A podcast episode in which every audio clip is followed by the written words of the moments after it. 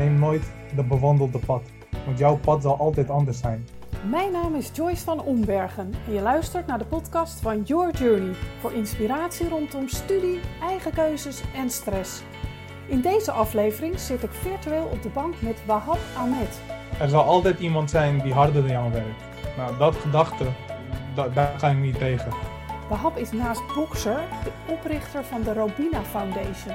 Een stichting die het gat tussen de Pakistaanse gemeenschap in Nederland en de minder bedeelden in Pakistan wil verkleinen. Maar uiteindelijk gaat het om mensbelang. Ik voel altijd toch wel een, een liefde naar de mensheid. Wahab droomt ervan om wereldberoemd bokser te worden en is bereid hier letterlijk en figuurlijk keihard voor te vechten. Hij heeft de eerste internationale stappen al gezet, want hij bokst regelmatig in Engeland. Door corona ligt het tempo om zijn droom te behalen ietsje lager, maar dat maakt Wahab niet uit. Hij traint namelijk elke dag niet alleen zijn fysieke, maar ook zijn mentale conditie. Daarnaast leest hij boeken om zijn persoonlijke leiderschapskills te verbeteren en hij gelooft erin dat dromen verwezenlijken begint en eindigt bij het geloof in jezelf. In ons gesprek neemt hij ons mee in zijn persoonlijke ontwikkeling vanaf het moment dat hij op slag verliefd werd op de boksport, terwijl hij eigenlijk cricket speelde.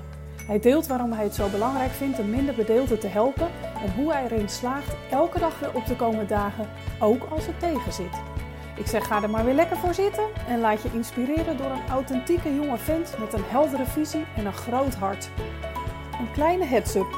De verbinding van Wahab hapert af en toe. Laat het je niet weerhouden zijn krachtige verhaal te beluisteren. Veel luisterplezier. Goedemiddag Wahab. Hey, goedemiddag. Wat leuk dat ik met jou maar in gesprek mag gaan over jouw eh, ja, ontwikkeling, gaf je net aan in het voorgesprekje. Dat je dat graag wilde delen met de luisteraars.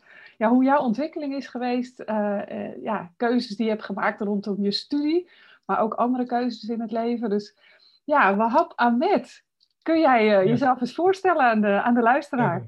Zeker, zeker. Ben Wahab. Ik ben eh, 24 jaar oud. Ik, ben, ik, kan niet zeggen ik ben nu meer van Amsterdam, want ik, ik vlieg heel veel heen en weer tussen Engeland en, eh, en Nederland. Eh, het komt voornamelijk omtrent mijn bokscarrière. Ik boks en ik, ik zou het al vorig jaar op een professioneel niveau doen.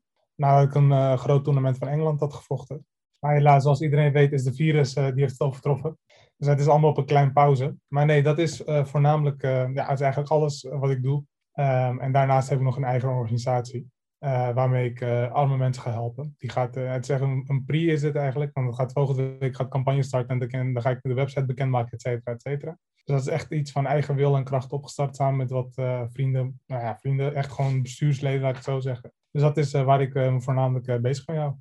Wat tof zeg. Dus en eh, ja, professioneel, of in ieder geval richting het professioneel boksen. Ja. En tegelijkertijd een eigen bedrijf eh, op eh, aan het zetten. Organisatie, ja. Een Organisatie, goede sorry. doelorganisatie, ja. Een goede doelenorganisatie. Ja. Heel, helemaal tof. En ja, eigenlijk door corona natuurlijk even wat roet in te eten in het tempo waarmee je bokscarrière gaat. Exact. Maar ik zat net al even te screenen op jouw Facebookpagina. En ik zag al ergens staan, never give up the dream.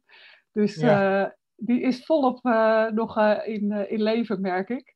Dus ik ben wel Ja. benieuwd. Kun je ons meenemen naar het moment dat je wist ja, dat je met boksen wilde beginnen? Hoe oud was je? Ik was bijna eind 17, begin 18. En in principe, als je dat in, een beetje in de bokswereld bekijkt, dan zouden ze zeggen: Hé, hey, wel, je bent een beetje te laat. Ik, ik, ik was nooit begonnen met de intentie: ik ga wedstrijden boksen. Om, om, om te beginnen. Ik, ik speelde altijd cricket. Maar ja, dat deed ik gewoon om sportief te blijven, om fit te blijven. En dat ik met vrienden, hun doen het, ik doe het ook wat leuk. Maar ik was wel altijd heel erg, ja, hoe noem je dat? Ehm, oh, een obsessie met, met als ik iets doe, dan moet ik het heel goed doen. En eh, nou, op een gegeven moment was het zomersport. Ik dacht, nou, in de winter, om mezelf wat weer bezig te houden, ga ik boksen. En dan ga ik verder. Eh, zo gezegd, zo gedaan. En ik was gelijk eh, verliefd geworden op mijn sport. En eh, voordat ik het wist, zei ik, eh, nee jongens, ik ga mijn cricket achterwege laten. Dit wordt eh, mijn fulltime sport. En nog steeds dacht ik, dat is een hobby. Omdat ehm, als je naar de bokslegendes bekijkt, ja, die zitten zo hoog. Of als we daar lager gaan, de huidige wereldkampioenen, die zitten zo hoog. Kan je in Nederland kan je niet bedenken, ik ga met hun samen zitten. Of ik ga überhaupt met hun de ring in of iets dergelijks. En op een gegeven moment begon ik steeds beter te boksen. En dit was nog in de studietijd. En toen ik klaar was met mijn MBO niveau 4, dacht ik, dit ga ik echt oppakken, want dit, gaat, dit, dit kan een carrière worden. En het besef kwam eigenlijk na mijn studie meer voor dan voor mijn studie. In mijn studie zei ik wel altijd, ik ga dit professioneel doen. Uh, maar je moet het zelf ook kunnen leven. En het eerste die het gelooft is jezelf. Je gelooft zelf in, als jij iets wil doen, niemand anders gaat het geloven. En voornamelijk als je zoiets wil doen. Hè? Nou, het is, een, het is een, wat ruigere sport dan normaal en je kan wat klappen hier en daar krijgen. Uh, dus het eerste wat ze zeggen van, nou joh, dit, wordt het niet, uh, doe het niet. En neem de makkelijke weg maar om het zo te nemen. Maar ik was op dat moment was ik al veranderd qua gedachten. Het was dit is het of dit is het niet. Wauw. Um, en toen heb ik uiteindelijk heb ik een jaar gewerkt en gebokst natuurlijk. Toen heb ik al, alles wat ik dan, het geld dat ik overhield, ging in mijn voeding en in mijn sport. En ik heb een hele goede trainer gehad, die heeft me ook heel veel gegund. En dat is ook echt de reden dat ik hier ben gekomen. En op een gegeven moment uh, was volgens mij het kwartje gevallen. Het is heel jammer dat in Nederland het boksen niet zo groot is. Dus ik dacht, nou, dan moet ik naar een boksland. Nou, in principe zijn dat twee landen, dat is Amerika of Engeland. Engeland is om de hoek. dus ik dacht, ja. ik ga naar Engeland.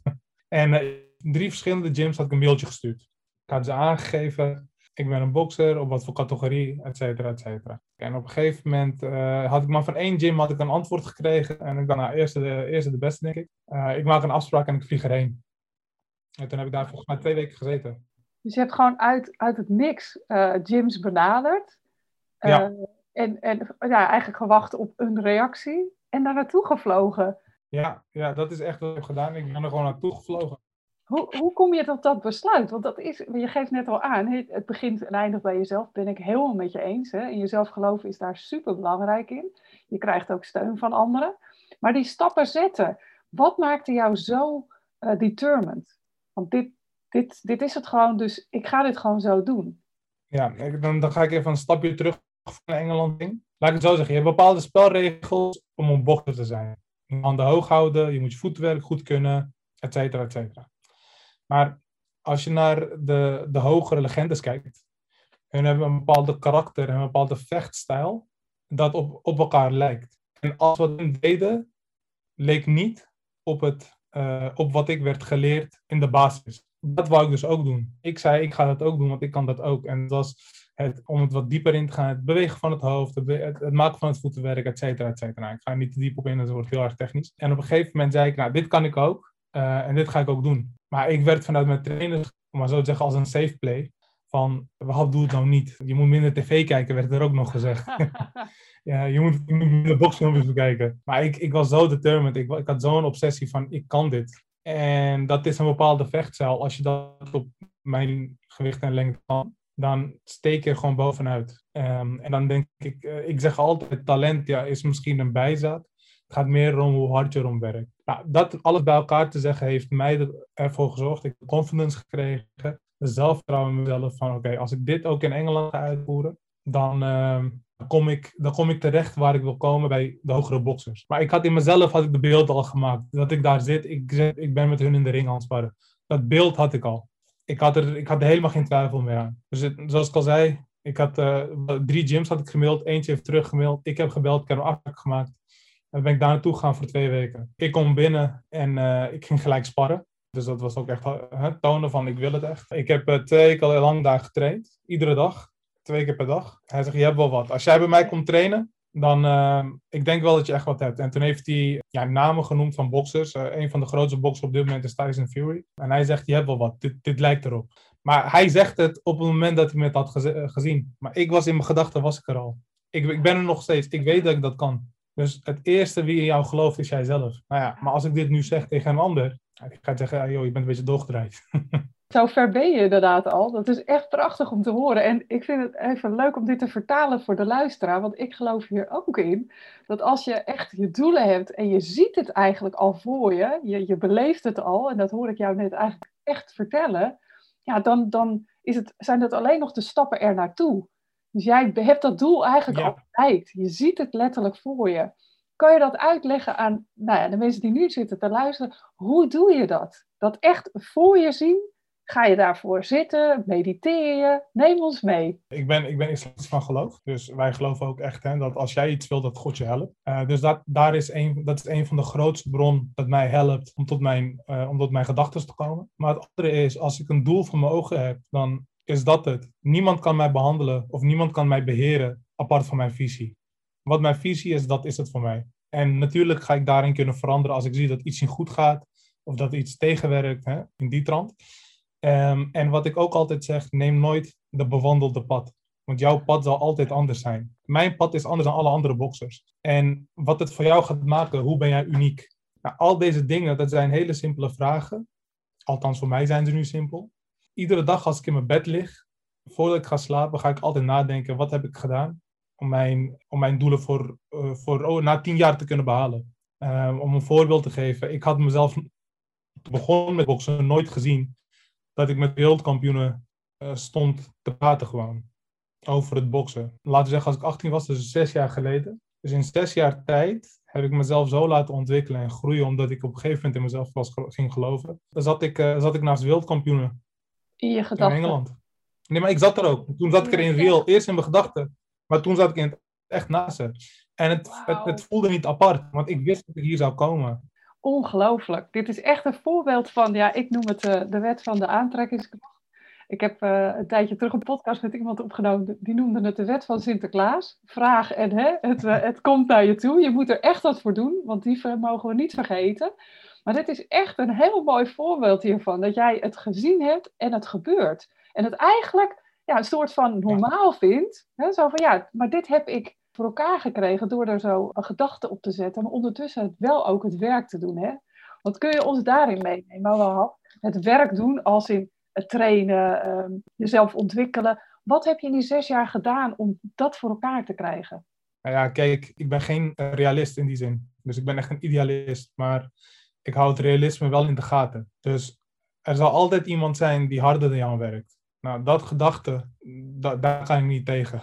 Er mag niemand zijn die harder dan mij aan het werk is. Eh, dan, dan, dan heb je het over mentaal trainen. Op het moment dat ik een wedstrijd heb, word ik iedere dag om half vijf wakker. Zet je de wekker daarvoor of word jij gewoon al automatisch wakker? Het is nu een biologisch klok geworden. Ja. Ik, uh, ik, word, uh, ik, ik zet voor de zekerheid altijd wel een wekker. Maar in principe ben ik altijd een paar minuten voor de wekker altijd wakker. Nou ja, goed. Dan, dan ga ik naar buiten, ga ik even rennen. Ik ga een activiteit doen in ieder geval. Iets wat, waarvan ik als ik thuis kom, uh, mijn t-shirt kan uittrekken en dat er een, een, een, laat ik het zo zeggen, een half glas zweet uitkomt. Dus dat is wel hoe ik moet trainen, want anders, ben ik, anders gaat het niet goed voor mij. En nou ja, en dan tussen de tijd natuurlijk, ik werk ernaast. En ik heb altijd verschillende soorten baantjes gehad. Ik heb nooit één soort werk gehad.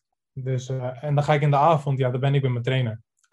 Dus in de ochtend heb ik ongeveer een uurtje iets gedaan. En dan in de avond ben ik ongeveer drie uurtjes bezig. Nou ja, dat zijn vier uurtjes van aan trainen, apart van het werken. En nou ja, dat doe ik dan zes dagen lang. Dus is ongeveer 24 uurtjes. Maar dat is een normaal ritme. Ja, inmiddels is dat voor jou natuurlijk super normaal. Maar ik kan me echt voorstellen dat er nu jongeren zitten ja. luisteren die denken: Wahab, half vijf, vijf uur. Are you kidding me? Dat is nacht. Hoe dan? Hoe heb je dat? Nee, maar wat Wie ik... heeft je geïnspireerd om dat te gaan doen? Is dat, ja, is dat iemand geweest of is dat uit jezelf ontstaan? Ja, kijk, ik ben altijd een uh, heel groot fan geweest van Mohamed Ali. Dat is uh, in mijn ogen toch wel een van de betere boxers en de beste boxers die er is geweest. Maar wat mij meer aan aantrok tot hem was meer, hij was meer dan een bokser. Hij was ook buiten het boksen was hij ook iemand. Dus ze kenden hem niet alleen als een bokser, ze kenden hem ook als, als iemand die wat voor, de, voor zijn gemeenschap wou doen. Om dat gezegd te hebben, was dat een beetje mijn voorbeeld. Maar ik heb nooit echt iemand gehad waarvan ik zeg, kijk, dat is iemand waar ik volledig achter uh, ga staan en ik, ga, ik wil hetzelfde doen als wat hij doet. Uh, en dat komt weer van de gedachte. Uh, ik, ik, ik zal nooit een pad nemen dat al bewandeld is. Mijn pad is anders. En nou ja, om dat gezegd te hebben, je hebt wel bepaalde karakteristieken van elk bokser die op een gegeven moment heel goed is geworden. Of en op een gegeven moment maak je een mengelmoes. Van oké, wat past bij mij en wat past niet bij mij. En wat is buiten mijn comfortzone. Alles wat ik deed om mijn training te doen tot de dag van vandaag is buiten mijn comfortzone. En om dat te kunnen krijgen, dat, dat is voor mij een groot deel idealisme dan realisme. Realisme zit erin, zoals ik net al zei, een ander kan harder werken. En dat knaagt gewoon aan mij. Iemand anders mag niet harder werken als dat ik werk. Ik zal wel heel getalenteerd zijn, maar dat vind ik een, een, een pluspunt. Als iemand echt een obsessie heeft met wat hij wil doen en wat hij wil bereiken, dan zal er echt niemand anders zijn die harder dan hem werkt. En dat heeft mij uh, gemaakt dat ik in de ochtend wakker werd. Uh, dat ik die discipline had. Dat ik om eten ging letten. Uh, dat ik op mijn kracht en conditie ging letten. Dus dat heeft allemaal, het heeft een kleine proces nodig om, om tenminste op je voeten te komen. En vervolgens is het doorgaan met het proces. Dus het opkomen is niet zo moeilijk, maar het doorgaan is veel lastiger. Want je hebt soms gewoon dagen van het, valt niet, het gaat niet mee. En, en je hebt soms zelfs dagen waarvan je denkt, waar ben ik mee bezig? Uh, je hebt zelfs dagen waarvan je denkt van, hé, hey, wat is dit? Maar als je dat allemaal uh, aan de kant laat, je weet waar je het voor doet, dan, dan kan je er ook zijn. Ja, dat is echt prachtig hoe je dat verwoordt, uh, Wahab. Want dat is het echte leven. Hè? Het is niet alleen maar uh, ik doe dat en, en, en ja, dat is gewoon makkelijk vol te houden. Dat is natuurlijk dikke onzin. Er zijn zat dagen tussen en ik herken want ik heb ook zo'n ochtendritueel. Hè? In principe zes uur, half zeven. Iets later dan jij. Maar wel inderdaad vroeger uit om een bepaald ritueel eerst af te, te handelen. Waardoor ja, ik beter in mijn energie en, uh, en, en in het leven sta, zeg maar. En dat herken ik dus bij jou. Maar dat gaat niet elke dag vanzelf. Dus wat doe jij op de dagen dat het niet vanzelf gaat? Dat je denkt, oh man, nee, vandaag voel ik hem niet. Ik, ik wil het doen, maar heb je daar tips voor? Om dan toch ja, door te zetten. Ja, ik vind het heel jammer als ik soms jongeren zie, of zelfs ouderen, die daar zitten zonder een bepaald hoog doel of een bepaalde visie dat ze niet hebben. Um, en wat er dan gebeurt op het moment dat je dat niet hebt, dan kom je in een soort van loop terecht. Want dan blijft je leven op één lijn gaan. En, en, als je een heel groot doel wilt halen, dan gaat het, gaat, het leven gaat op en neer steeds. Je gaat, je gaat opstaan, je gaat weer vallen, je gaat weer opstaan. Als je maar weet wat je doel is. En dat streeft mij iedere keer. Ik weet wat mijn doel is. Mijn doel is natuurlijk om een van de grootste boxers te worden. Maar mijn grootste doel is van op het moment wanneer ik zeg, uh, het is nu leeftijd, ik kan niet meer boksen. Dat op dat moment mensen uh, als ze mijn naam horen, aan mijn, aan mijn gevecht gaan denken van dat was een bokser. Dat waren gevechten uh, dat in de geschiedenis zijn gegaan. Dat waren gevechten wat we niet gaan vergeten. Fantastisch. Dus eigenlijk net als met uh, Ali, hè, waar, we het net, waar je net over noemde, of ja. die je net noemde, ja. waar iedereen van weet wie dat is. Hè. Al hou je niet van boksen, die naam die moet je kennen. Dat is eigenlijk ook ja, jouw streven dat we dat straks allemaal weten. Ja, ik, uh, ik ben uh, onder de indruk, uh, Wouw, want ja, op je 24ste, ja, ja dat, dat al zo glashelder voor ogen hebben. En wat ik ook fantastisch vind, is eigenlijk de combinatie met iets voor je gemeenschap willen betekenen. Dus zou je wat kunnen vertellen over de organisatie die, jij, die je recent hebt opgericht? Zeker. Ja, zoals we weten, het coronavirus was er vorig jaar helaas. En mijn ouders waren toen in Pakistan. Um, en ik ga regelmatig ga ik daarheen om de jaar, om de twee jaar. En ze vertelde mij hoe slecht het aan toe is in de lockdown daar. En als jullie op mijn Facebook uh, en Instagram bekijken, dan zien jullie dat ik vaker uh, acties uh, doe om inzamelacties doe, geld vragen en dan voedselpakketten uitdeel of een ander soort nobele doel doe. En wat ik hier toen had gedaan is, ik had het geld gevraagd aan de Pakistaanse gemeenschap in Nederland. En vervolgens heb ik dat weer doorgezet naar Pakistan en heb ik daar voedselpakketten laten maken en laten uitdelen. En ik zag gewoon dat daar echt een enorme gebrek is aan vele dingen. Uh, en nou ja, voedsel is daar toch wel nog nummer één van. En wat heb ik dus daaraan gedaan? Ik heb uh, met wat vrienden samen, het waren eigenlijk vrienden, maar ik noem het nu bestuursleden van mij. Samen heb ik gezeten van, oké okay, jongens, hoe kunnen we dit het beste aanpakken? Want buiten mijn box om is dit gewoon echt waar ik iets om geef. Ja. En dat is ook echt een van mijn grootste passies. Het helpt mensen die het minder goed hebben, dus van de minder bedeelden. En je kan het beste beginnen bij je eigen gemeenschap, omdat je van jezelf het beste weet waar het zit. Nou, op dat moment wat ik heb gedaan, um, het heeft me ongeveer een jaar geduurd met alles erop en eraan. En natuurlijk, ik wist niet hoe je zo'n organisatie kon starten. Maar ik had wel een visie weer om hoe ik arme mensen wil helpen daarin. In Pakistan in dit geval. Uh, dus wat ik heb gedaan, ik mijn jongens bij elkaar gehaald, mijn bestuursleden gehaald. Jongens, dit gaan we doen, dat gaan we doen, wat vinden jullie daarvan? En dan had je soms steeds zo na al die brainstorm zijn we nu uitgekomen wat we gaan doen, hoe we dat gaan doen. Uh, mijn organisatie heet Robina Foundation. Uh, ik heb het genoemd naar mijn moeder, Mooi, omdat ik denk ja. dat daar echt zegeningen in zitten. Mooi. Ja, daarmee gaan we dus vanaf volgende week naar start. Omdat de Ramadan eraan komt, willen wij toch wel beginnen met de voedselpakketten weer uit te delen. Um, en daarna heb ik natuurlijk nog een paar andere ideeën die voor de mensen op een lang termijn gaan werken. Voedselpakket is heel erg kort termijn. Hè? Je kan een voedselpakket maken twee weken, vier weken of zes weken. Na die zes weken gaat het toch op.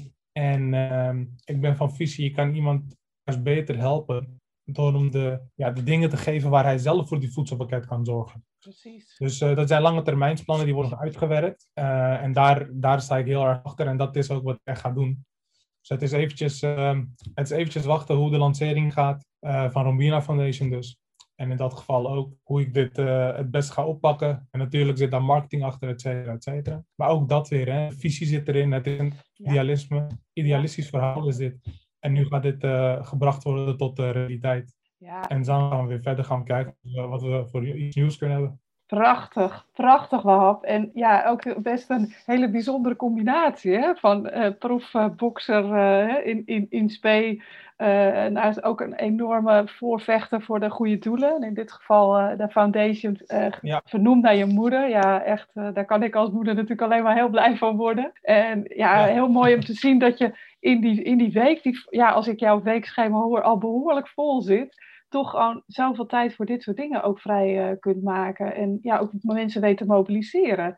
Dus dat, uh, ja, petje af, prachtig. Heel, heel mooi. Ja, nou ja, goed, kijk, ik ben, ik ben van mening, op het moment wanneer jij heel veel hebt gekregen, dat jij gezegend bent, dan ben ik van mening dat jij dan ook weer, dat jij dan ook weer degene bent die gekozen is om de anderen te helpen die het minder goed hebben. Ik, ik vind dat ik het altijd maar goed heb. Uh, het is voor mij toch wel een taak dat ik in mijn grafrust er alles aan heb gedaan. Al zijn het maar tien mensen die goed hebben geleefd voor mijn inzet. Dan, dan is het voor jou goed. Mooi zeg. Jeetje, ongelooflijk. Hey, hoe zie jij dat als jij uh, straks ja, wel uh, misschien wereldwijd bekend bent? Hoe, uh, hoe mhm. zie je dat in de combinatie met de foundation? Want dan zou je wellicht internationaal kunnen trekken zelfs. Ja, en dat is ook de reden. Ik heb altijd al gedacht, ik ga een goede doelenorganisatie starten. En toen had ik gedacht, ik ga dat eerst doen als ik een uh, naam heb gemaakt. Als mensen mij kennen, als de bereik naar de mensen voor mij is. Maar uiteindelijk ben ik toch op het idee gekomen, waarom zou ik de organisatie niet laten meegroeien met mij? En dat is de reden waarom ik heb gezegd van nee, ik, ik ga de organisatie nu maken. Ik ga deze ook gewoon voortzetten als een organisatie. En op een gegeven moment hè, ga ik de ring in heb ik een t-shirt aan. Op een gegeven moment, voordat hij uitgaat, staat Rubina Foundation op. Op mijn broekje staat Rubina Foundation. Overal waar, ik, waar ze me gaan zien, overal waar ze foto's gaan maken. Uh, als ik op promotieposters, et cetera, komt. Het gaat er al vooral op staan.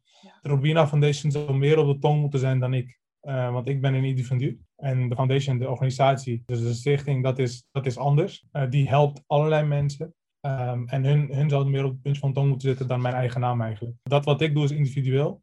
En het gaat mij helpen tot een organisatie. Maar uiteindelijk gaat het om mensbelang. Ik voel altijd toch wel een, een liefde naar de mensheid. Ja, je bent dan eigenlijk het, het, het ja, niet orde eerbiedig bedoeld, maar het middel. Hè? Het middel om, uh, ja, jij zet jezelf in ten dienste van anderen. En ja, ja. prachtig. Ja, het is echt, ik zie het ook echt voor me hoe je het beschrijft. Dat je daar straks inderdaad gewoon uh, ja, met alle uh, ja, merchandise zelfs, ja, die foundation vol in het licht kan zetten.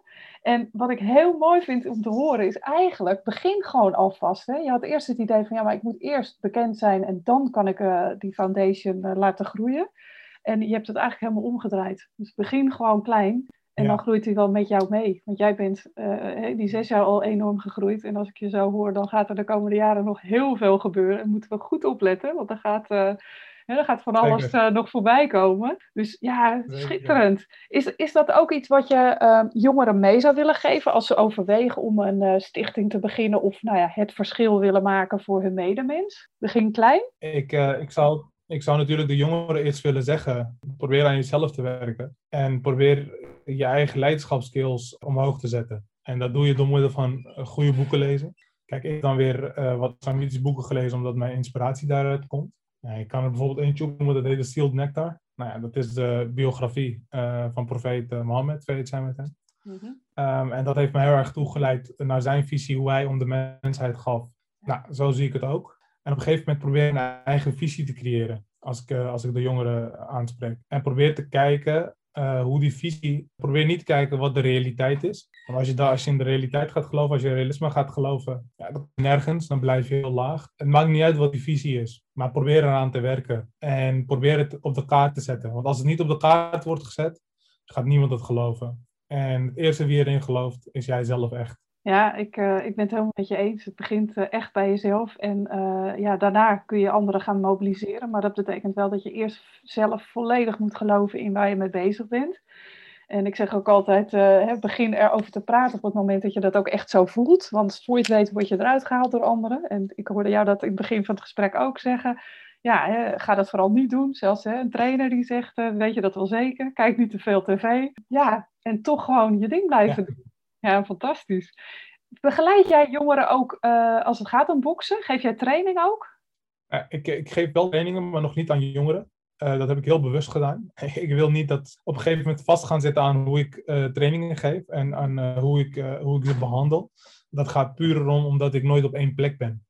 Okay. De ene keer ben ik weer in Engeland, de andere keer ben ik weer in Nederland. En dan ben ik weer in een ander land. Ik, meestal zijn er drie landen die ik meest bezoek: Nederland, Engeland en Pakistan. Het zou jammer zijn als ik bepaald kwalitatieve training geef en een andere trainer dat ook doet, alleen op een heel andere manier. Dat dat uh, bij de kinderen niet goed gaat of bij de jongeren niet goed gaat. Ja. Maar waar ik wel voor open sta als jongeren mij benaderen via Facebook of Instagram of LinkedIn, noem maar op. Dat ik ze een bepaalde begeleiding geef of dat ik ze aangeef hoe ik het heb gedaan en hoe het handig is om voor hun te doen. Uh, daar sta ik wel altijd over. Dus ik ga wel graag met mensen in gesprek. Mooi. Kunnen ze, op welke kanalen kunnen ze jou vinden, Wahab? Op Facebook heet ik Wahab Ahmed. Op uh, Instagram heet ik I am Wahab, dus echt I-M en dan Wahab met dubbel H. Uh, ook op LinkedIn, Wahab Ahmed. Ik zal zeggen, het beste is om mij te benaderen via Instagram. Want daar ben ik toch wel altijd het meest actief. Op Facebook ook, maar op Instagram meer. Ja, net als de jongeren. Die zitten allemaal massaal op uh, Instagram en zeker niet op Facebook. Ja, ja. fantastisch. Als jij, je hebt ontzettend mooie dingen gedeeld, Wahab. Dank daarvoor. Als jij nog een, een laatste uh, ja, boodschap mee zou mogen geven. Je hebt net al een hele mooie gegeven, dus misschien is dit het gewoon. Maar als je zegt, nou, maar dat wil ik eigenlijk nog wel heel graag kwijt. Wat zou dat dan zijn? Ja, het enige wat ik echt kwijt zou willen is, uh, voornamelijk naar de jongeren, ook in deze lockdown-periode. Probeer jezelf echt uh, te ontwikkelen tot iemand eh, waar je zelf later trots op kan zijn voor mij was dat natuurlijk om, om hele grote doelen te stellen. Maar organisatie moet voor mij wereldwijd gaan. Ik moet wereldwijd gaan, dus dat gaat samen met elkaar. Waardoor ik de visie heb om iets te bereiken en daar ga ik heen. En als ik daar ben, heb ik ook weer andere redenen, die ik al, of andere visies en andere ideeën die ik achter me laat altijd, die ik nooit altijd deel, want je moet altijd eerst eentje behalen voordat je naar het tweede gaat. En wanneer je die visie hebt, ga altijd erachteraan en doe alles erom om, om die visie te behalen. Je gaat het leven is, je gaat falen en je gaat weer opstaan. En je gaat nogmaals falen. En hoe hoger en hoe groter jouw doel is, hoe groter de droom is, hoe harder je op, op je bek valt. Probeer dat echt, uh, het vallen moet niet de teleurstelling zijn. Juist als je valt en weer opstaat, ben je weer een, ben je een persoon dat beter was dan de tien dagen geleden, of dan de jaar geleden, of dan de twee jaar geleden. Probeer jezelf echt te ontwikkelen door iemand, tot iemand te zijn waarvan je later trots wordt. Dankjewel, Wahab. Hiermee kom ik aan het eind van deze aflevering. Heb je een vraag? Je vindt me op Instagram op yourjourney.a. Ik vind het superleuk om daar met je te connecten. Wahab vind je op Instagram via I'm Wahab. Dat is I-M-W-A-H-H-A-B. En op LinkedIn en Facebook vind je hem onder Wahab Ahmed. Zijn stichting is te vinden op robinafoundation.nl. En kun jij wel wat hulp gebruiken bij het maken van keuzes rondom studiewerk of tussenjaar? Of wil je leren dealen met stress in plaats van er tegen te vechten? Ga dan naar yourjourney.academy en download mijn gratis videoserie of 30 tips tegen stress. Wil je geen aflevering meer missen? Abonneer je dan op deze podcast. En ken je iemand voor wie deze aflevering interessant is? Deel hem dan via je socials. Hiermee help je mij om nog meer jongeren te bereiken. Bedankt voor het luisteren en tot de volgende keer.